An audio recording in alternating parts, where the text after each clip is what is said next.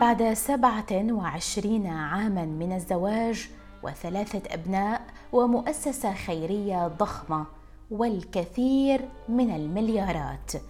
أعلن بيل وميليندا جيتس طلاقهما. قائلين لم نعد نعتقد أنه يمكننا أن نكبر معا بوصفنا زوجين. زواج بيل وميليندا جيتس لم يكن سهلا. فقد عقدا قرانهما بعد أن عملا معا لمدة سبع سنوات في شركة مايكروسوفت إلا أن إجراءات طلاقهما قد تكون أكثر تعقيدا وذلك بسبب شراكتهما الخيرية التي امتدت لأكثر من ربع قرن.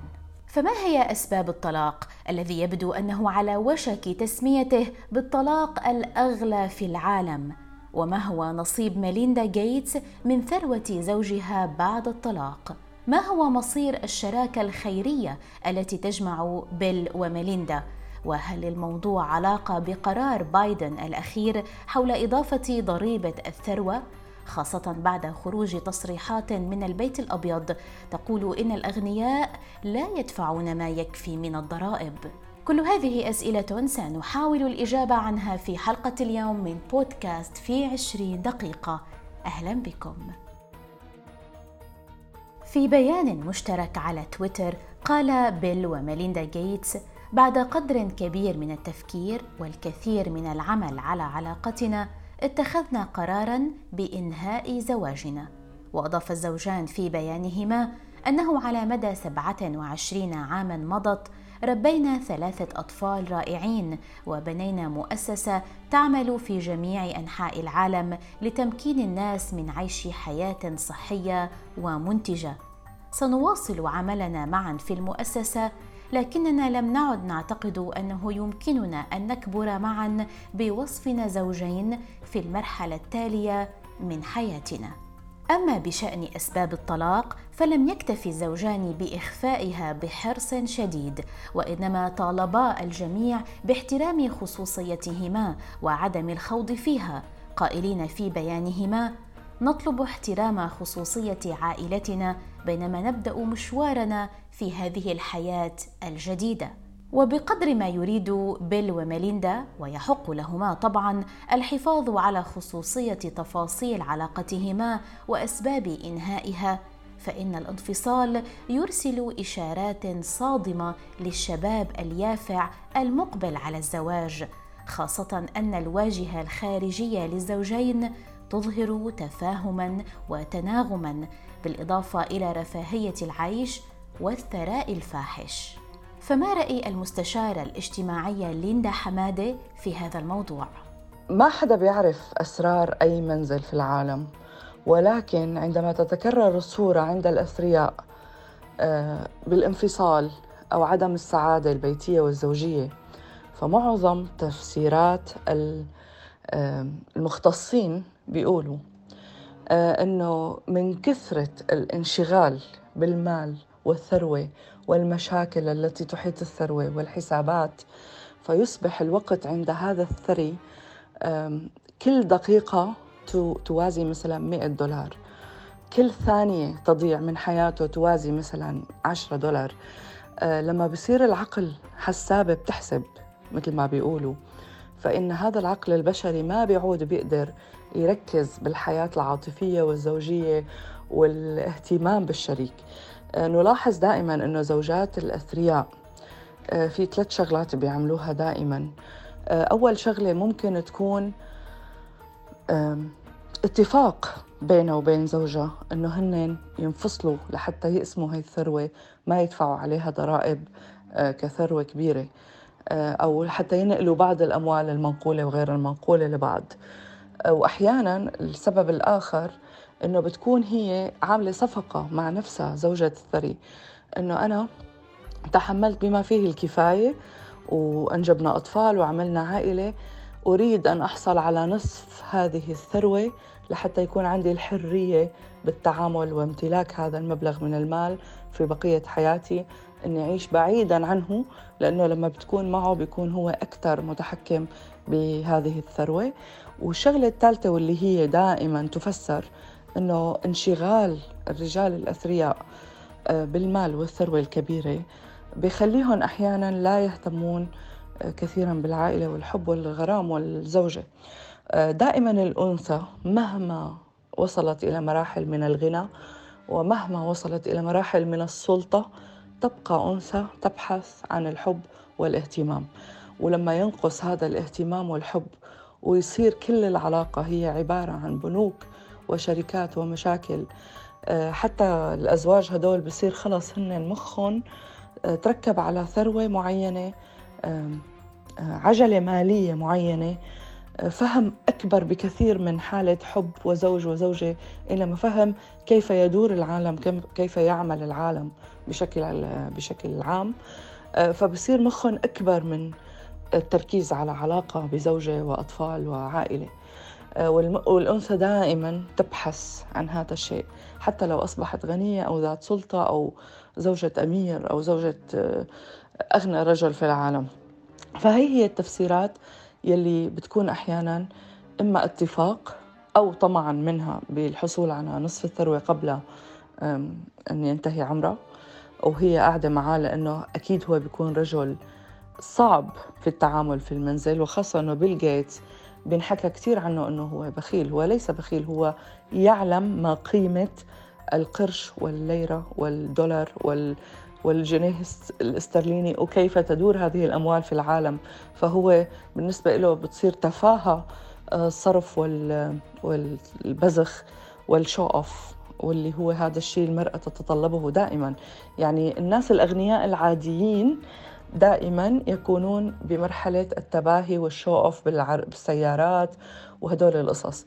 ولكن الأغنياء باهظي الثروة يعني اللي عندهم ثروة أكبر من ما نتخيل. فهدول دائما لا يهمهم هذه المظاهر أبدا لأنه بيعرفوا شو قيمة هذا المبلغ بالنسبة للعالم كيف بيعملوا charity وكيف ممكن يحصنوا. يعني بيل جيتس مشهور بجمعيته اللي تدعم آه، كل أبحاث مرضى الملاريا. آه، أما الزوجة فهي بتضل متشوقة لتعيش هذا الغنى لتعيش هذه المظاهر.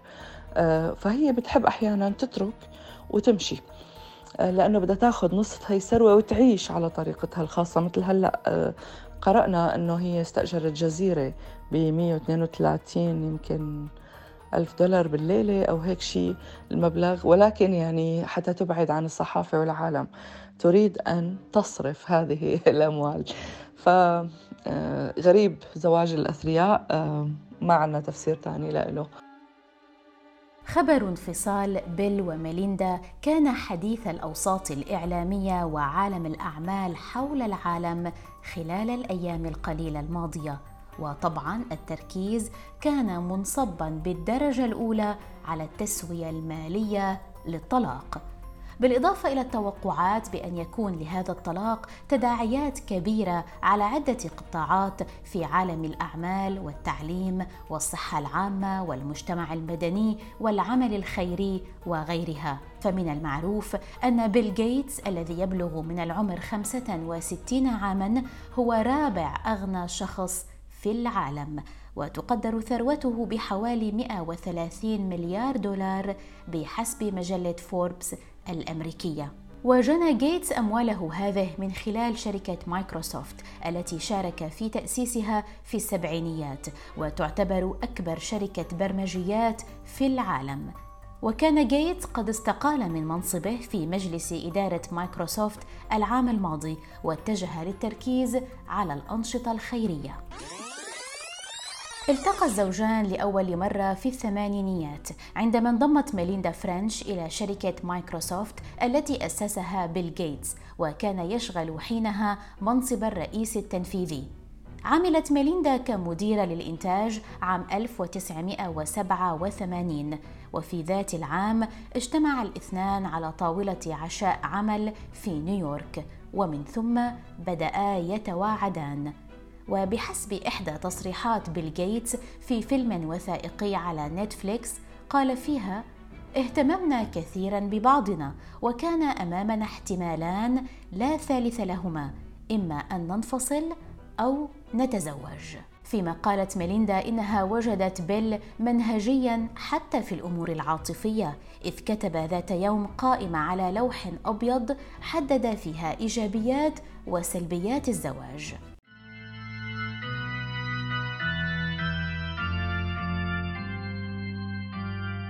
تزوج الثنائي في الأول من كانون الثاني يناير عام 1994 في جزيرة لاناي في هاواي. وأفادت بعض التقارير أنهما استأجرا كل طائرات الهليكوبتر المحلية لمنع الضيوف غير المرغوب بهم من التحليق فوق الجزيرة. الشراكة بين بيل وميليندا لم تكن زوجية فقط، ففي عام 2000 أسس الزوجان في مدينة سياتل صندوق بيل وميليندا جيتس، الذي يمثل أكبر مؤسسة خيرية غير حكومية في الولايات المتحدة، ويقدر حجم أصولها بحوالي 51 مليار دولار. وتركز المؤسسة العملاقة نشاطاتها في المقام الأول على الصحة العامة والتعليم وتغير المناخ. وتمكنت من تمويل جهود مكافحة الملاريا والإيدز والسل وشلل الأطفال حول العالم. وبحسب رويترز فقد ضخ بيل وميليندا جيتس أكثر من 36 مليار دولار في المؤسسة بين عامي 1994 و 2018 وفي عام 2019 بلغ صافي أصول مؤسسة بيل وميليندا أكثر من 43 مليار دولار. كما منحت المؤسسة حوالي مليار و750 مليون دولار لمبادرات اللقاحات والبحوث أثناء جائحة فيروس كورونا الحالية بالإضافة إلى إنفاقها مليارات الدولارات على محاربة بعض القضايا الصحية مثل الأمراض المعدية وتشجيع التلقيح لدى الأطفال.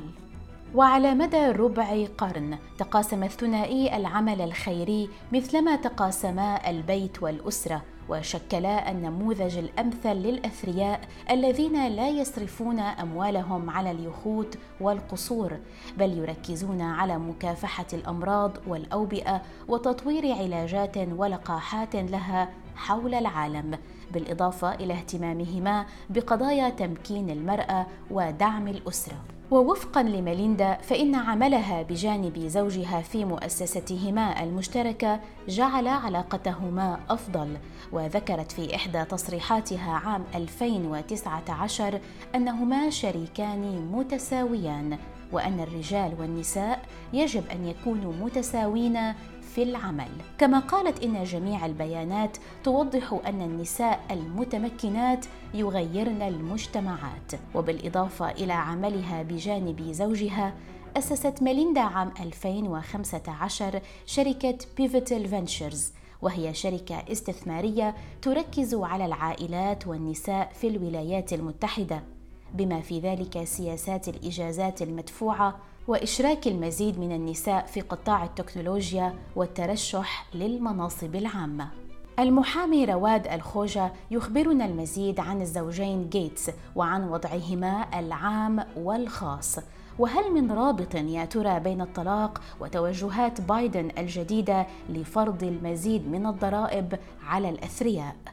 بيل وميليندا جيتس من الشخصيات كثير مؤثرة بالعالم بسبب مساهمتهم الكبيرة من خلال المؤسسة الخيرية اللي أنشأوها تحت اسمهم بيل وميليندا جيتس. المؤسسة تملك أصول بقيمة حوالي 50 مليار دولار وكل سنة بتوزع حوالي 5 مليار دولار للعديد من الدول والأشخاص خاصة خلال جائحة كورونا حيث أن المؤسسة دفعت أكثر مليار دولار لمساعدة شعوب العالم بتخطي الجائحة.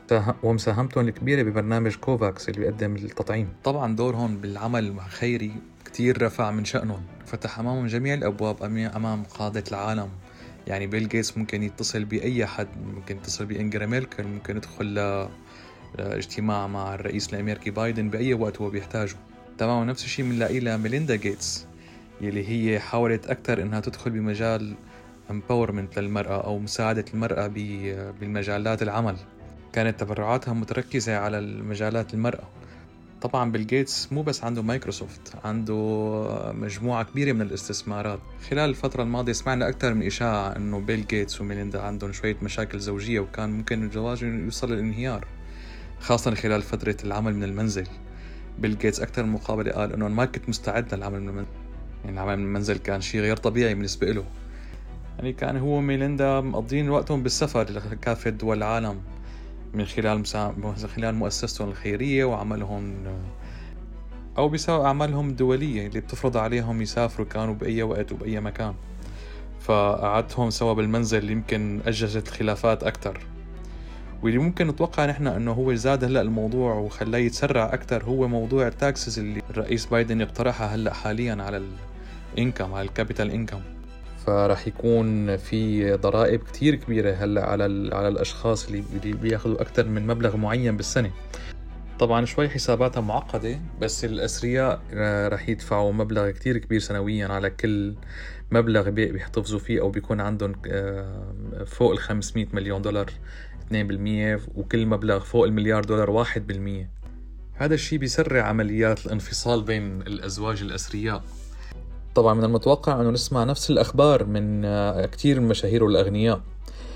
طبعا هو مو سبب الحب وعدم الاستقرار هو آخر شيء بيوصل للجيوب.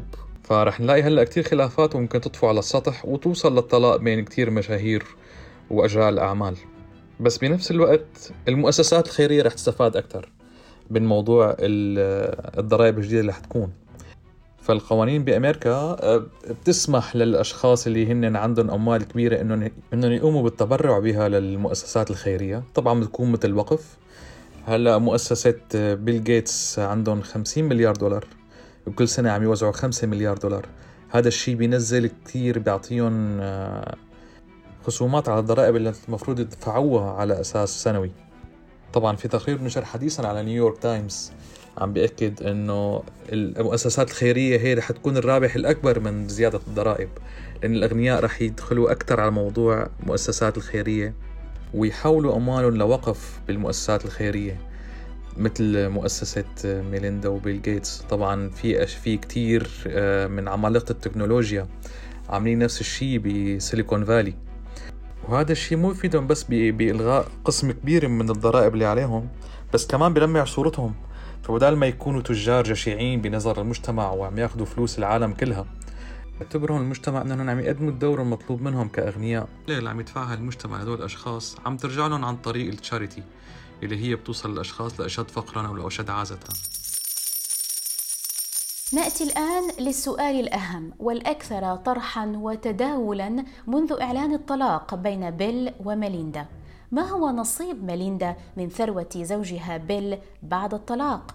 هذا السؤال تجيبنا عليه وكالة بلومبرج التي نقلت عن تقارير لجنة الأوراق المالية والبورصات الأمريكية أن ميليندا جيتس ستتلقى ما قيمته مليار ونصف المليار دولار من الأسهم في الشركة الكندية الوطنية للسكك الحديدية بالإضافة إلى 300 مليون دولار من الأوراق المالية لشركة AutoNation والتي تعد أكبر شركة أمريكية لتجارة التجزئة في سوق السيارات بعد أن قام بيل جيتس بمنح زوجته السابقة بعض أسهمه في هاتين الشركتين. كما أشارت صحيفة وول ستريت جورنال إلى قيام بيل جيتس بتحويل ما قيمته مليارين وأربعة ملايين دولار لزوجته في نفس يوم إعلان طلاقهما. وبحسب ما نقل موقع بزنس انسايدر فقد قام جيتس بتحويل أسهم من شركة تجارة السيارات وشركة تعبئة كوكاكولا وشبكة إذاعية مكسيكية وشركة سكك حديدية لتصبح مملوكة لميليندا بحسب ملفات هيئة الأوراق المالية والبورصات الأمريكية. وبذلك أصبحت ميليندا تمتلك حصة تصل إلى 4.7% في كوكاكولا فيمسا بقيمة تصل ل 121 مليون دولار.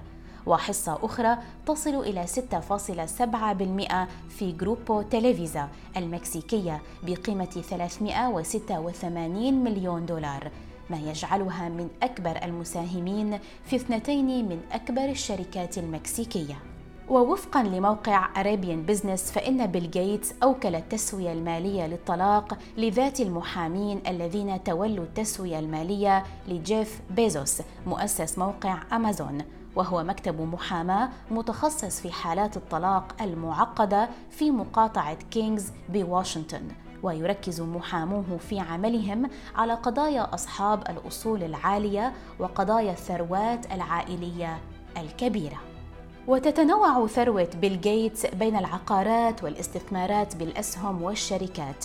فلديه استثمارات بما يقرب من 30 مليار دولار بشركة كاسكيد انفستمنت بالإضافة إلى أسهمه في شركة مايكروسوفت التي تقدر ب 26 مليار دولار.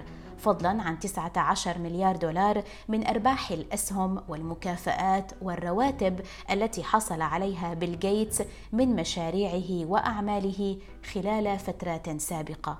كما يملك جيتس جزيرة في بيليز اشتراها بما يقرب من 25 مليون دولار ومنازل وقصور في كل من واشنطن وكاليفورنيا وفلوريدا. عدا عن مجموعته الخاصة من السيارات والتي يزيد سعرها على 650 ألف دولار بحسب سي إن بي سي. كانت معكم نور الحصني في الإعداد والتقديم وهذه نهاية حلقة اليوم من بودكاست في عشرين دقيقة. شكرا لكم على الاستماع إلينا ونلتقي في حلقة جديدة على راديو الآن. إلى اللقاء.